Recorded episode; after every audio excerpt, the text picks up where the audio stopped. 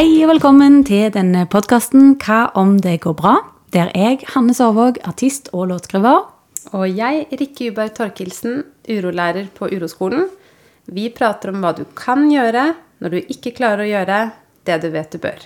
Yes. Yes. Hei, Hanne. Hei, Rikke. Hyggelig å se deg. Ja, veldig fint å se deg. Sitter vi her i båthuset i Kragerø. Det er nydelig her, altså. Regner litt, men det gjør ikke noe. Så fin utsikt. Rett ut i sjøen. Er det det kanskje dagens episode skal handle om været? Ja, kanskje vi skal snakke om været. Som vi gjør når vi ikke har andre ting å snakke om. Nettopp. Men vi har jo masse å snakke om, vi, da. Ja, vi har det. Er det noe du har lyst til å prate om i dag, kanskje? Jeg har lyst til å snakke om noe som jeg tror eh, mange kan kjenne seg igjen i. Eh, Det er selvbildet Ja. og kroppen. Um, jeg bare husker at jeg leste en sånn en bok, eh, 'Lykkekrigen' av Eva Tryti. Ja. Og hun beskrev da liksom ja, måter å tenke på, se på seg sjøl på, ting en gjør og sånn. Og da husker jeg jeg tenkte Altså, hvordan kan psykolog Eva Tryti beskrive helt korrekt akkurat hvordan jeg har det? Oh, ja. Akkurat hva jeg gjør, akkurat hva jeg tenker. Og så skjønte jeg jo at det er fordi at det her er en ganske vanlig forstyrrelse. Som mange av oss har.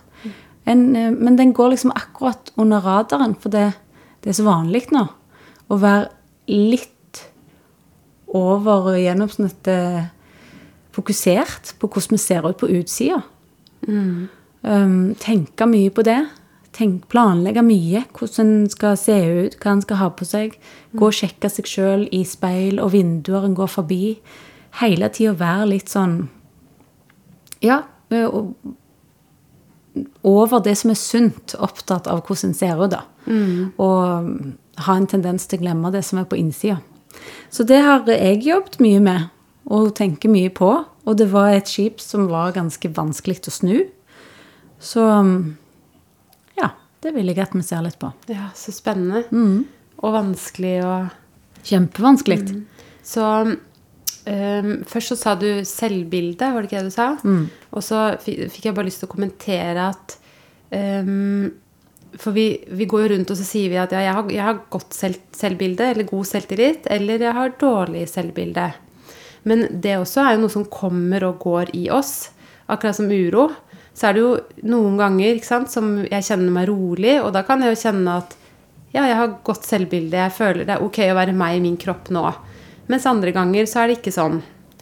Um, og så sa du det, en annen ting du sa som jeg tenkte på, det var at eh, jeg er over gjennomsnittet opptatt av det. Eller at no, mange er over gjennomsnittet opptatt av det. Hvem er det som sier at jeg er over gjennomsnittet opptatt av dette?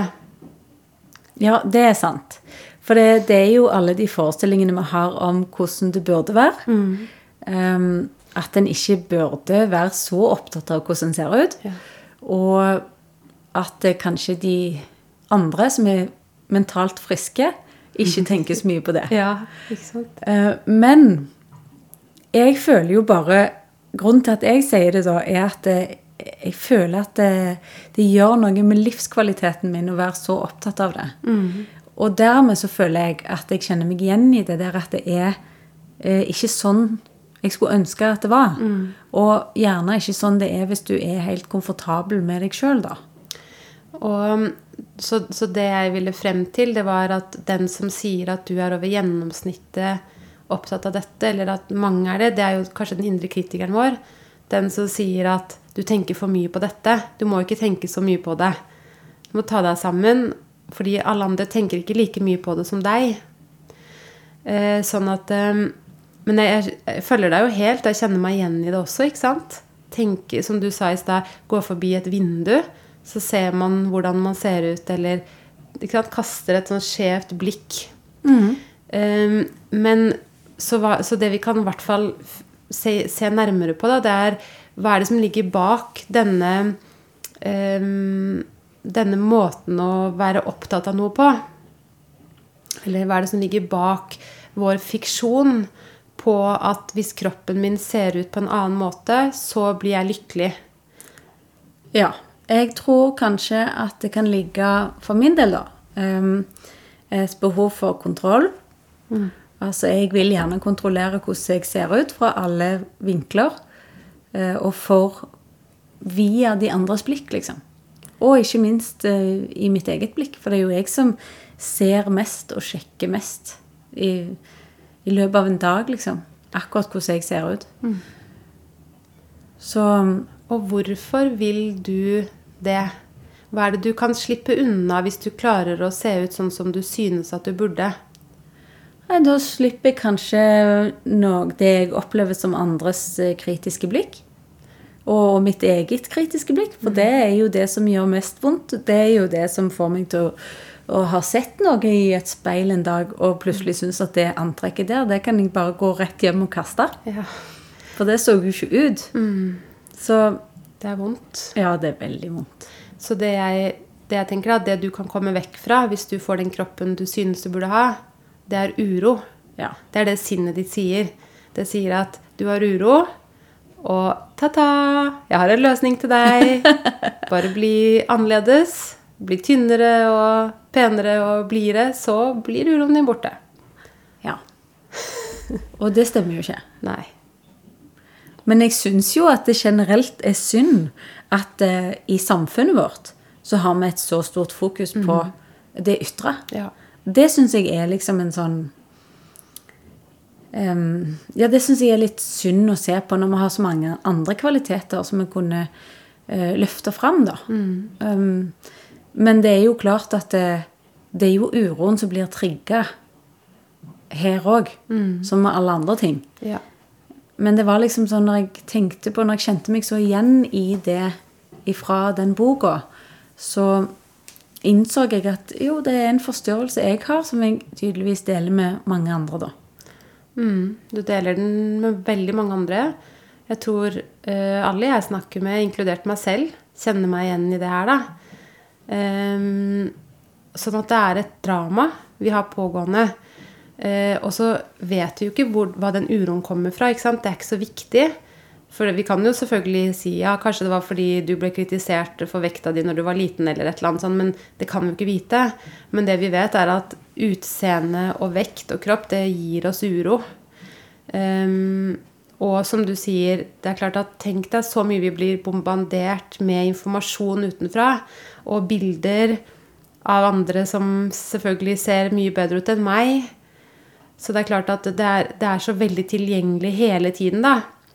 Og selvfølgelig så er det tilgjengelig fordi vi ser oss jo selv mange ganger om dagen i speilet eller i et vindu, eller vi skal ta på oss en bukse som har blitt for stram, eller? Det kommer jo Det er så tilgjengelig å falle inn i det dramaet om kropp.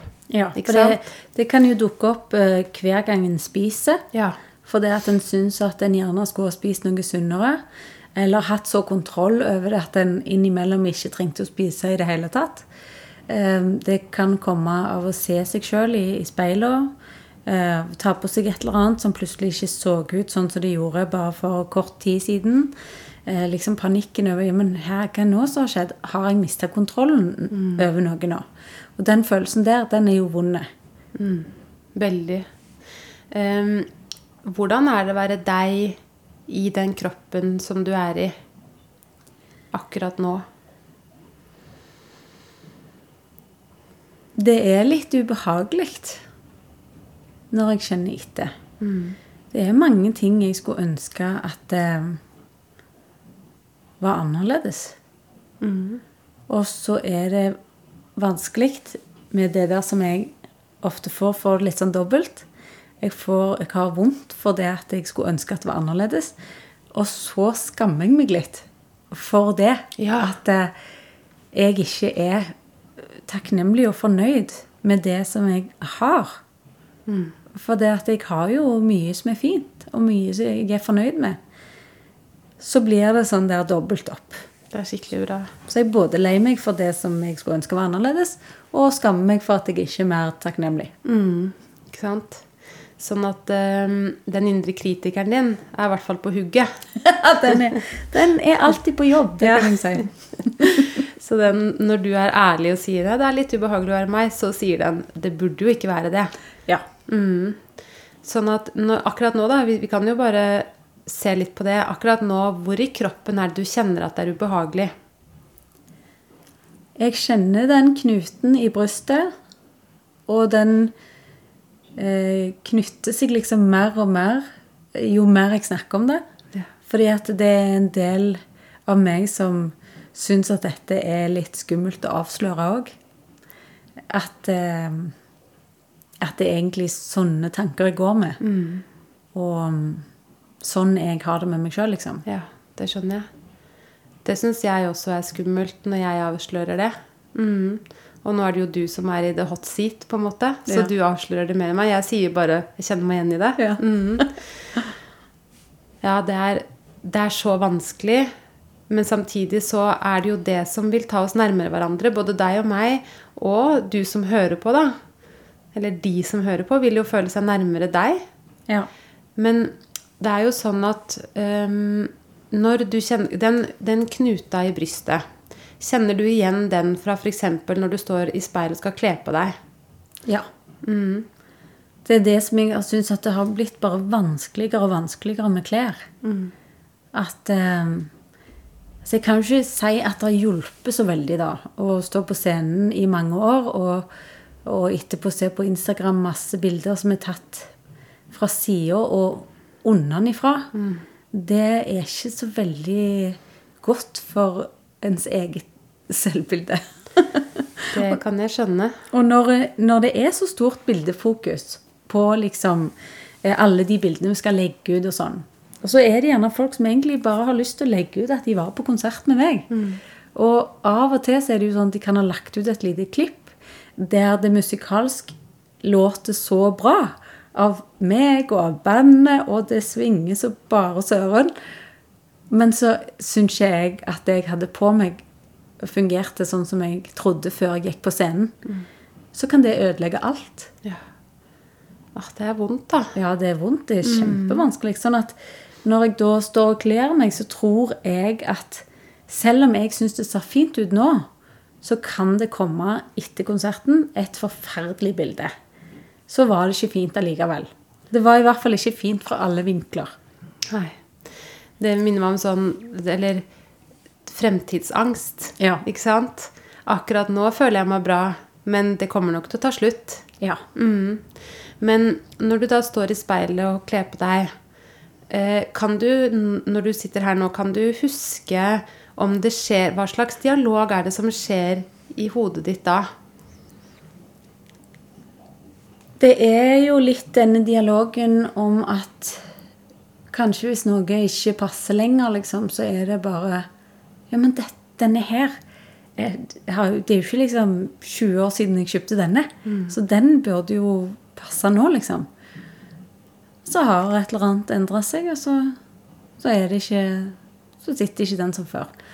Altså, da er det jo, er det jo vondt og da er det akkurat som jeg kjefter på meg sjøl, liksom. For at eh, jeg ikke har eh, sørget for at eh, ting eh, er som det alltid har vært. Liksom. At noe ikke forandrer seg, liksom. Sånn at eh, antageligvis så går sinnet ditt i en slags sånn Både du blir jo angrepet av kritikeren, men også at eh, I hvert fall er det litt sånn for meg at sinnet går i sånn løsningsmodus. At oi, den magen her, eller den, den valken der, eller den puppen her, det må strammes opp eller gjøres noe med. Sånn at da kan jeg kanskje, når jeg kommer ut i verden nå, så kan jeg spise en sunn lunsj i dag, eller Ikke sant? Er det Ja. sånn for deg også? Ja, det er jo masse sånne metoder, da. Mm. Jeg ser liksom tilbake og tenker liksom Hva var det hva jeg har gjort som har funka? Ja. Altså, jeg må bare eh, gjøre det igjen. Um, men så er jeg jo et helt annet sted. Så det er jo ikke sikkert at det, det funker på samme måte en gang, For jeg er liksom litt en annen. Og så er det jo det òg at egentlig så har ikke jeg lyst til å leve med masse sånne regimer hele tida. Jeg føler meg veldig tynga av alle de tinga jeg må. Jeg må fikse det, og jeg må se sånn ut, og jeg må gjøre sånn. Og den der The hustle, liksom. Ja. Du skal bare kjempe videre. Eh, For enten beholde noe du har, eller skaffe deg mer av et eller annet. Jeg, jeg føler meg veldig tynga av det. Sånn at eh, Det har jeg egentlig lyst til å fri meg fra. når du nå snakker om det, så høres det ut som at du tror at da, da den passa, den kjolen, så var du lykkelig. Var du det? Nei. Nei. Det kan jeg iallfall si. Og jeg, jeg vet at det i noen perioder der egentlig ting kanskje passet på best mulig måte, Um, så hadde jeg noen helt andre utfordringer og et helt annet press. Og da hadde jeg masse andre problemer. Nettopp. Sånn at, ser du det, at sinnet det prøver å si at du har uro. Og når du var tynnere eller annerledes før, så hadde du ikke den uroen. Ja. Det er på en måte det sinnet sier, og den sier da nå at hvis du bare blir sånn igjen, så kommer den, denne uroen til å bli borte. ja. Sånn at virkeligheten er jo da, i hvert fall på den forskningen du har gjort, eller vi gjør nå på ditt liv, så er jo virkeligheten sånn at uansett om du var tynnere eller eh, tykkere eller hva du var, så, så var det ubehagelig å være deg. Du hadde uro uansett. Så var du ikke, sikkert ikke bare ubehagelig hele tiden, men det er jo det vi snakker om nå i forhold til kropp. Sånn at da du var sånn som du synes du burde være, så var du ikke Det var ikke så lett som du tenker nå. Nei, og så er det jo det òg at da så syns jeg jo ikke at jeg var sånn som jeg burde være. Nettopp. Det syns jeg kanskje nå, det. For det at ting har endra seg litt. Og så ser jeg tilbake og tenker at ja, men da passet jeg jo alle disse tinga. Og eh, så fin ut i alle de tinga. Men jeg syns jo ikke det da. Så det perspektivet der er jo gjerne noe som en ikke Så ikke jeg iallfall har klart å få tak i i øyeblikket, men ser mer når jeg ser tilbake. Nettopp. Og det, nå har jeg sagt 'nettopp' mange ganger, sier kritikeren min. Ja, det er Men fint. det, det er fordi at jeg sier så mange kloke ting som du er helt enig i. Nettopp. sånn at ehm, Sånn at det vi kan ta ut fra det, da, det er at vi har uro. Og f.eks. når den uroen er knytta til kropp, så er det litt ubehagelig uansett. Noen ganger mer, og noen ganger mindre. Ja. For det, jeg føler liksom at kroppen er jo sånn Det er jo hjemmet vårt, liksom. Det er litt vondt å tenke eh, sånne tanker om sin egen kropp. For det Det er liksom sånn Ja, det kan godt være at det er den indre kritikeren som sier at jeg burde være glad i kroppen min. For det er Kroppen er et tempel, og det er Ja. hjemmet mitt. Og det er litt sånn, sånn som når jeg tenker negative ting om kjæresten min, så, vet, så får jeg dårlig samvittighet. For det at jeg vet jo at han er en fin fyr, og jeg er veldig glad i han. Så får jeg vondt av at jeg har tenkt de tinga. Og det er jo sånn at vi lærer at vi må være glad i oss selv, og vi må elske kroppen vår, og kroppen vår er et tempel, som du sa. Tenk hvis vi hadde lært Det er jo bare hy hypotetisk, for sånn er det ikke. Men hvis vi hadde lært at ja, men du kommer til å like, og du kommer til å mislike kroppen din. Det kommer til å variere. Så hadde det vært litt lettere. Men det kan jo du og jeg snakke om nå, da, og lære oss om Og lære de som hører på også. At ja, sånn at noen ganger så vil jeg trives i kroppen min, og andre ganger ikke. Og det kan jo variere mange ganger i løpet av en dag. Det er ikke sånn at det er en periode nødvendigvis. Som kan jo være en dag. Hvis du tar et dypt pust nå og kjenner at ja, i hvert fall når jeg tok et dypt pust nå, så kjente jeg at ja, akkurat nå er det godt å være meg. Mens etterpå så skal jeg ta på meg en eh, annen bukse som har blitt for liten, og da kommer jeg til å kjenne at det er ubehagelig å være meg, for buksa har blitt for stram, stram og det er noe feil her. Ja. Jeg syns ikke det er behagelig å være meg. Ikke akkurat nå. Nei. Nei. Jeg syns det er ubehagelig å snakke om alle disse, om disse tingene, for det, det setter i gang så mye rart. Og jeg kjenner at jeg er ikke komfortabel i kroppen når jeg kjenner etter. Eh, For det, nå er det masse uro for det at jeg snakker om dette. Hvor er det du kjenner den uroen? Jeg kjenner den overalt, føler jeg. Men det er, jo, det er jo den gode, gamle knuten i brystet, da. Ja. Og den gjør at jeg blir stressa i resten av kroppen òg. Jeg blir akkurat som litt sånn eh, urolig. Jeg får lyst til å reise meg og bare riste løs litt, eller gjøre et eller annet. For det er det vanskelig å sitte i ro med den, den følelsen. Sånn at Så fint at du sier at det er sånn det er. Så akkurat nå, hvis du kan ta et dypt pust Og så flytter du oppmerksomheten ned til den knuta som er i brystet ditt. For den knuta vil jo gjerne at vi skal løse dette, eller at det skal være annerledes. Men så kan vi akkurat nå skal vi prøve å være sammen den knuta. Så ja, det er sånn det er. Det er vanskelig for meg å snakke om det temaet her. Det vekker masse følelser i meg. Akkurat nå så skal jeg gjøre alt jeg kan for å være her med de følelsene jeg kjenner. I stedet for å diskutere at det burde være annerledes.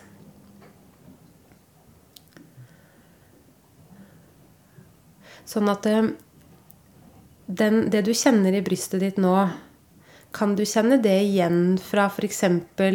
når du ser et bilde av deg selv etter en konsert, eller når du står i speil og kjolen ikke passer, eller Ja. Og den knuta, den får deg til å forsøke å få den bort, og den får deg til å forsøke, å løse dette. Um, sånn at det er et, et forslag, det er jo å se kan jeg, kan jeg begynne å bli kjent med den knuten jeg kjenner når jeg ser meg selv? Eh, For det er som du sier, det har aldri vært behagelig allikevel. Å flytte oppmerksomheten ned i kroppen, vekk fra diskusjonen om at jeg burde se annerledes ut. For det er bare en diskusjon, det er bare et drama som pågår. Og hadde ikke du brydd deg om kroppen din, så hadde du sett bildet og tenkt at jeg hadde for lang nese. Eller for høyt hår. Eller for kort hår. Eller for langt hår. Sånn at det hadde vært noe annet. Men så er det dette, da. Og det vi forsøker på, er jo å flytte oppmerksomheten vekk fra den diskusjonen som vi har vært inne i nå, og ned til den uroen som du kjenner i kroppen din. Kanskje vi kan si at det er en sånn eksistensiell uro, liksom. Det er ubehagelig å være meg noen ganger. Ja. Og så har, har du laga et drama om at for deg er det veldig vanskelig med kropp. Og det har det vært for meg òg. Altså jeg har, det har jeg fortalt deg. Jeg har vært spist bare raw food, spist bare vegansk mat, vegetarmat, gjort bare masse yoga. Vært på sånn eh, Gjort sånn eh, ti dager med fasting. Masse rart. Og så tror jeg jo i ettertid så ser jeg jo at det har vært strategier, fordi at kanskje hvis jeg gjorde det, så, følte, så ble det bra å være meg. Ja, for det, at det er uroen for oss til å gjøre ting. For det kjenner jeg på når jeg sitter her òg og skal prøve å kjenne på den knuten i brystet, at den eh, gjør at eh, jeg får masse påfunn oppi hodet om at eh, jeg tror kanskje jeg må bare gå nå. og jeg tror at jeg må ikke snakke om dette mer. og så tror jeg at jeg skal si til deg etterpå at vi ikke skal publisere denne. Ja.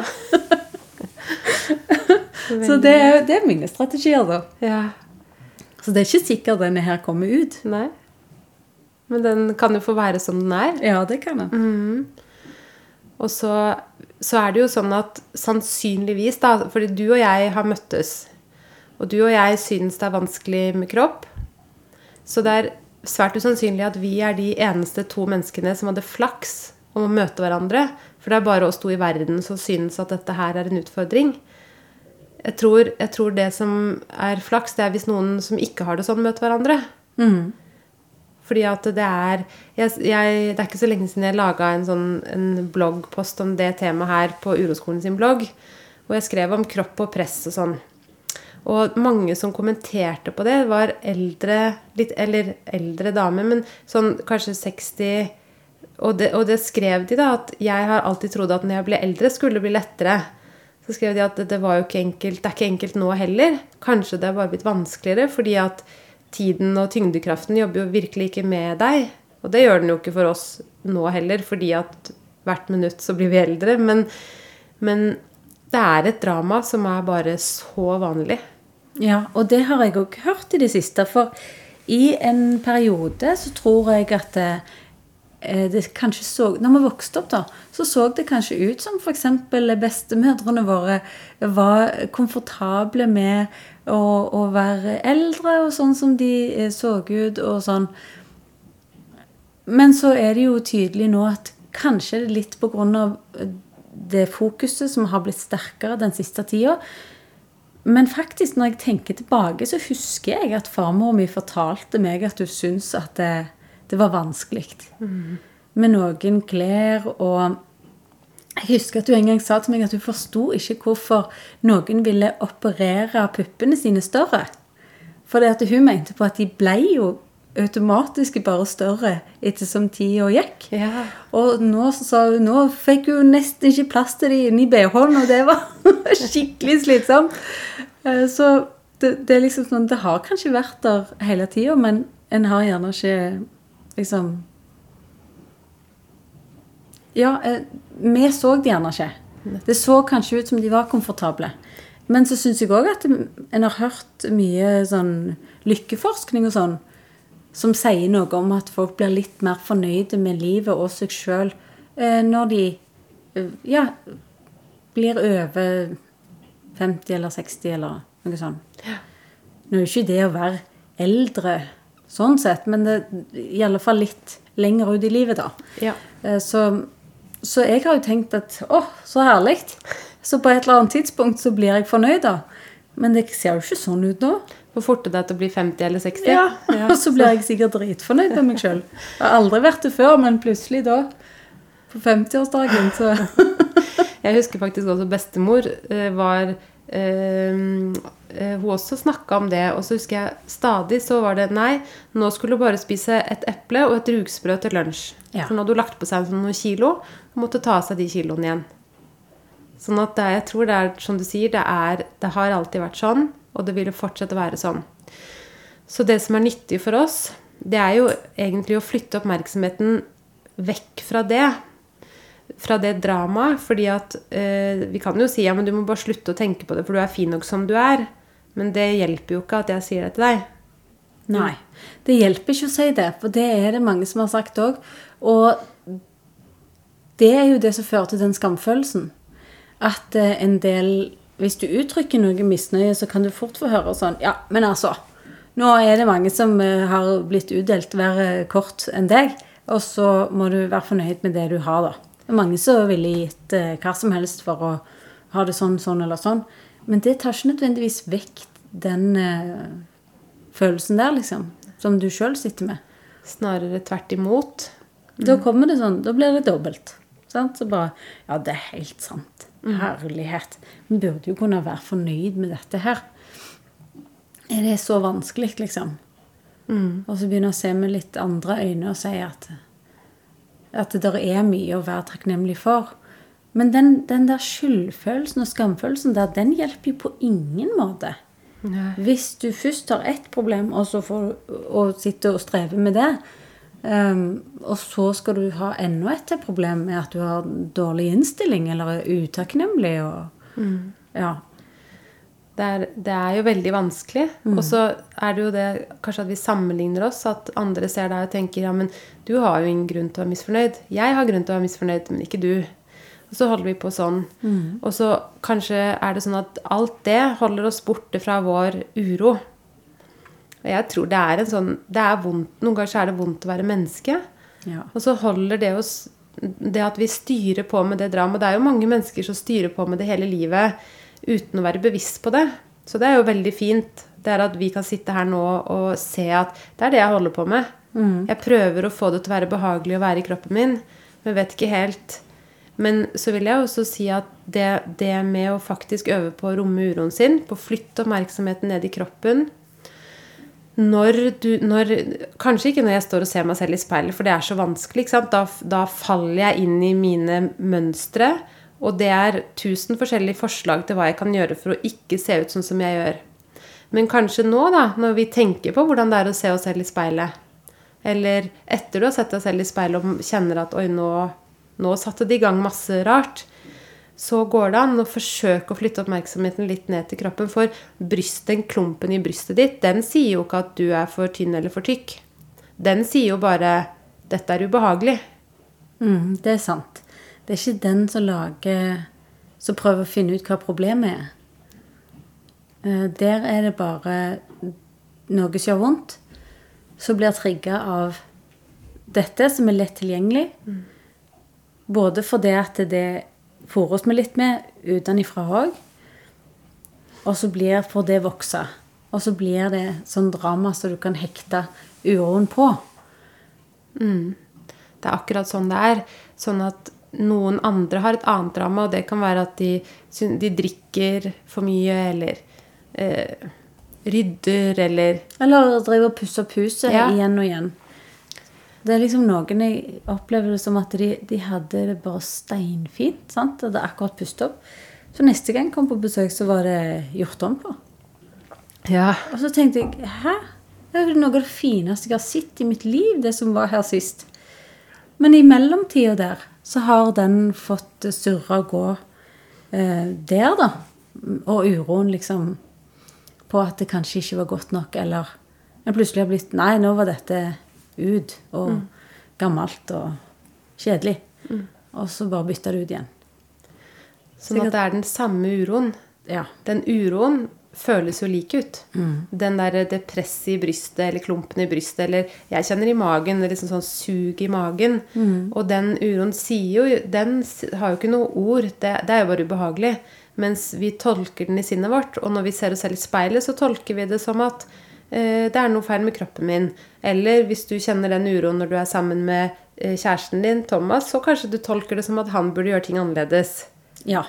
Det, det er jo bare Tror du at vi har eh, eh, Tror du at det er forventningene, liksom? Våre egne forventninger. Ja, for jeg bare Ja. tenkte når du sa det der at livet Ofte er det vondt å være menneske, liksom. Eh, om, for det er jo sånn jeg føler Det er litt underkommunisert. Mm. Det skjer jo ting i livet som gjør vondt. Men bare det der at vi eh, i det daglige livet går inn i at det, det gjør vondt. For stort og smått. Det er noen ting vi har lov til å ha det vondt for. Litt de større tinga. Når det skjer kriser og sånn. Men det gjør jo egentlig litt vondt både her og der. For ja. At det er litt vondt å være menneske. Ja, når du sa det nå, så fikk jeg, tenkte jeg vi må lage en episode som heter 'Det er vondt å være menneske'. Ja. For det er jo akkurat det. ja. Og, så, og det er jo det som er Det er det som ligger til grunn for hele denne diskusjonen, tror jeg, da. Ja. Det er jo bare min mening. Um, fordi mange andre vil jo mene at det er noe feil med deg eller meg som synes at, at vi er spiseforstyrret, da, Ja. eksempel. Eller noe sånt noe. Ja, eh, altså at det er en sånn en Ja, overdrevet opptatthet av liksom det ytre, da. Sånn som jeg òg tenkte når jeg kjente meg sånn igjen i de beskrivelsene i den boka. Så kjente jo jeg at ja, jeg har alle disse forstyrrelsene. Ja. Mens den forstyrrelsen du har, og jeg har, det er jo at vi er menneske. Ja. Og så lenge vi er menneske, så kommer det til å være vondt også. Det er jo også ofte det er godt.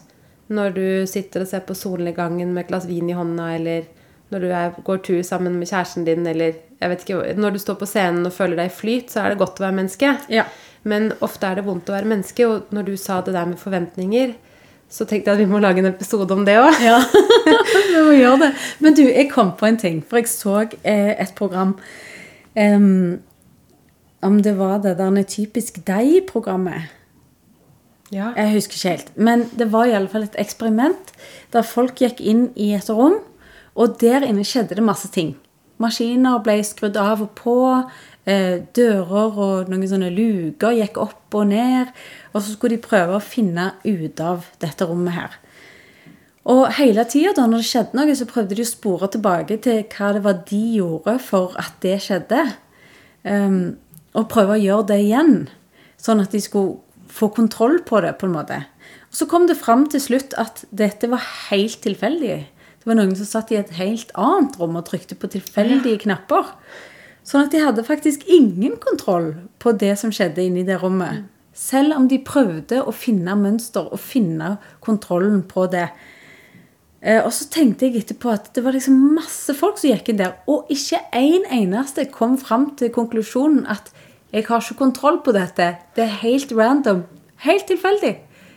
Så tenkte jeg søren, der er det noe Fantastisk. i, i, i sinnet vårt, rett og slett. At vi, vi klarer ikke å komme til den konklusjonen. At dette her får jeg ikke gjort noe med. Det her er jo helt random. Dette her er livet, og det går opp og ned, og det gjør vondt, og det er godt, og fram og tilbake. Eh, Istedenfor så prøver vi òg å spore våre egne steg tilbake. Hva var det jeg gjorde som funka? Eh, hva var det jeg gjorde nå sånn at det skjedde? Som om vi har kontrollen på alt. Det er bare så bra. Ja. Ja, Livet er vilt. ja det er vilt. Og, Og det er noen som sitter i et annet rom og trykker på tilfeldige knapper. Kanskje det er det som er. Så de trykker på en knapp og opp fem kilo, ned tre kilo. Ja, nettopp. Så en har, har ikke kjangs. Ja, men det, det er så fint, da. Jeg tenker at det er det det handler om. I bunn og grunn. At livet er ukontrollerbart og vilt. Og så, for, og så har vi en eksistensiell uro eller en eksistensiell smerte. Og den forsøker vi å få bort og kontrollere fordi at vi har forventninger om at livet bør være annerledes enn dette. Og livet bør i alle fall ikke være vondt. Og Ja. Det er nettopp det du sa om forventninger. Forventningene våre er jo sånn at livet skal ikke være vondt. Og hvis det er noe vondt, så har vi lært at det er noe feil. Ja, for jeg kjenner jo at jeg hadde Jeg husker nesten de, den første tanken jeg kan huske at jeg hadde i mitt liv. Det var 'Å, fytti grisen, dette skal bli gøy'.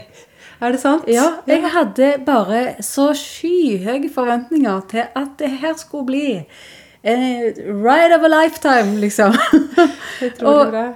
og derfor så har mye skuffa meg. Sjøl når ting i mitt liv kanskje har sett veldig flott og stilig ut for andre, så har jeg gått rundt med en eh, stor skuffelse. For mine forventninger var skyhøye. Det skulle bli så gøy, og aldri slo det meg at det skulle bli mange vonde ting. Nei. Nei, ikke sant? Sånn at hvis vi, Kanskje er det sånn at hvis vi tillater oss å føle de vonde tingene, hvis vi tillater oss å ta det inn over oss og, og akseptere at det er en del av livet, så vil det kanskje være enklere å føle de gode følelsene. Ja. Um, det bare slo meg når, når vi satt her nå akkurat nå, så kjente jeg at nå var jeg, ble jeg veldig glad. Når vi tulla litt og Hvordan var det for deg? Jo, jeg òg syns at det var, det var gøy. Nettopp. Jeg òg tenkte at nå har jeg det gøy, Ja. for det var det du sa. Sånn at nå har vi snakka om noe skikkelig vanskelig. Kropp og uro og kanskje Jeg, jeg tror for, i mitt liv er det kanskje det største dramaet mitt. Ja. Det er mitt òg. Det er det som dukker opp oftest. Fordi det er det jeg har nærmest og lettest tilgjengelig. Hver gang jeg går forbi et speil eller Ja, og granske og sjekke og, og se Og feilsøke. Ikke sant? Sånn vi, men allikevel, da, nå har vi sittet her og prata om det som er skikkelig vanskelig, som du hadde lyst til å løpe fra. Og så ender det med at vi sitter her og ler og har det gøy. Og kjenner på at dette er gøy. Ja, det er fint. Det er sant. For det er noe forløsende i å snakke om det. Iallfall sånn som jeg føler når jeg legger skam på toppen av en annen følelse. Så er det veldig godt å snakke om det. For det at det da Da tar jeg iallfall Ja, jeg stikker på en måte hold på én av de iallfall. Og så kan jeg eh, øve på å, å være i den andre. Sånn at når vår intensjon er å trøste og glede deg som hører på, så er jo det fint at vi da er, Vi må jo fortelle om oss selv. Ja. Vi kan jo ikke fortelle om at det er veldig vanlig å ha det sånn som dette, men vi har det ikke sånn. Nei. Men du der ute trenger ikke å føle deg alene. Nei, for det er bare å distansere. Det er sånn i en samtale med noen, og så forteller du noe, og så sier de plutselig sånn Å ja. Sånn uforstående, liksom. Å ja. Aldri hatt. Aldri kjent på. Det er jo det mest distanserende du kan gjøre i liksom en relasjon med to mennesker. Det er en fin måte å avslutte samtalen på, det. Ja. Det er det. Å ja, du har aldri kjent på det. Nei, men det snakkes, da. Nesten går jeg. ja. Så da tenker jeg at eh, da er det jo veldig fint da, at du kan øve på dette, og jeg og du som hører på, vi kan øve på å forsøke å flytte oppmerksomheten ned i kroppen når vi oppdager at vi holder på med dette dramaet i sinnet vårt om at vi skal spise og være annerledes og alt det her. Og så, fordi at da slutter den diskusjonen. Og så kan vi fortsette å øve på det. Og det er jo vanskelig, men det eneste vi kan gjøre, er å øve. Men hvordan syns du at en skal øve på dette? Er det liksom bare kjøre knallhardt og stå og se på seg sjøl i speilet og bare Å, fy søren, dette var ubehagelig. Eh, nei, jeg tenker jo ikke det. For jeg tror at hvis du hvis du går nå, Når du har fortalt at du har det vanskelig med dette, og hvis, du, hvis jeg sier til deg gå og still deg selv i speilet nå og se, så kommer du til å falle inn i ditt mønster. Ja, Men Som- skal, jeg, skal jeg unngå speil istedenfor, da? Det er veldig bra. Ok, så hvis jeg skal da være praktisk nå, ja, så vil jeg si at um, Nei, du kan ikke unngå speil heller, for det blir jo like vanskelig. Men, men nå er jo dette veldig oppe i deg. Sånn at neste gang du går forbi et speil, eller ser et speil, eh, så kan du se er det mulig for meg å stoppe opp, f.eks. rett etter. For antageligvis så er det jo sånn at du ser i speilet, går videre, og så begynner tankene. Å, herregud, hva var det der greiene der? Og da er det mulig å se Hm, dette har jeg lært noe om. Hvordan er det i kroppen min nå? Åh, det er press i brystet. Eller det er sug i magen. Kan jeg flytte oppmerksomheten min ned hit? Istedenfor å bli værende i hodet. Fordi at de tankene de tar oss jo med på eh, a ride of a lifetime, eller hva det var du sa. ikke sant? Tankene tar oss også med på en lang reise som er veldig ubehagelig. Sånn at hvis vi kan klare da, å flytte oppmerksomheten ned til kroppen Si ja, her er det ubehagelig nå, så skal jeg prøve å være med det litt. Der kan man begynne. Og når du gjør det mange ganger Noen ganger så trenger man å øve sammen med noen, sånn som vi øver jo litt sammen nå. Eller hvis man sitter i en sånn her time, ikke sant. Eller kanskje man kan øve ved å si det til en venn, eller eh, For det kan være vanskelig når det er så stort drama i vårt eget liv. Men det er veldig så, Sånn at det er vanskelig å øve på det her, men det er nyttig. Fordi at magen sier ikke nå må du begynne å melde deg inn på sats og begynne å slutte å spise sukker. Og den sier bare at det her var ubehagelig. Og så litt etter litt, når du er sammen med det ubehaget, så erfarer du å ja, det er bare det derre presset i magen. Og jeg har kjent det før, og av erfaring så vet jeg at jeg klarer å være sammen med det litt. Og så, sånn har det i hvert fall vært for meg, da, at det har avtatt med tid. Og det er jo fordi jeg har øvd, øvd, øvd på å være sammen med uroen min. Så det er det samme ubehaget der som dukker opp i andre situasjoner òg, liksom. Det kan jo se sånn ut for oss. Ja. Når vi sitter her og prater om det, så virker det sånn at ja, men den det presset i brystet, det er jo det samme som du kjenner før du skal gå på scenen, kanskje, eller, eller etter du har vært på scenen. Hvis du kanskje føler at 'i dag var jeg ikke god nok', da tenker du jo ikke på kroppen din. Da tenker du på 'nei, jeg burde sagt noe annerledes', eller gjort noe annerledes. Følelsen i kroppen er lik. Mm, den er det. Det er bare det at for min del så er det så mye større Det der med kropp. Så når jeg går av scenen, så er det mye viktigere for meg hvordan jeg så ut på de bildene folk tok. For egentlig så har det musikalske eh, gått bra. Men hvis det hadde gått skikkelig dårlig, Ja, så hadde, hadde du tenkt på det. kjekt. Så jeg tenker at det er et fint sted å avslutte med å si til deg og til de som hører på, at la oss øve på det her, da. Og vi kan jo, nå vet vi at vi er sammen om det. Vi vet at når jeg ser meg selv i speilet og kjenner uro, så er det flere der ute som føler det samme. Og bare det å bli bevisst at jeg kjenner uro, det er jo et veldig stort steg. Det er det. Og, og når den, at du klarer å hilse på den istedenfor å gå inn i drama. Hvis det går an. Og ikke alltid går det an, og noen ganger går det an.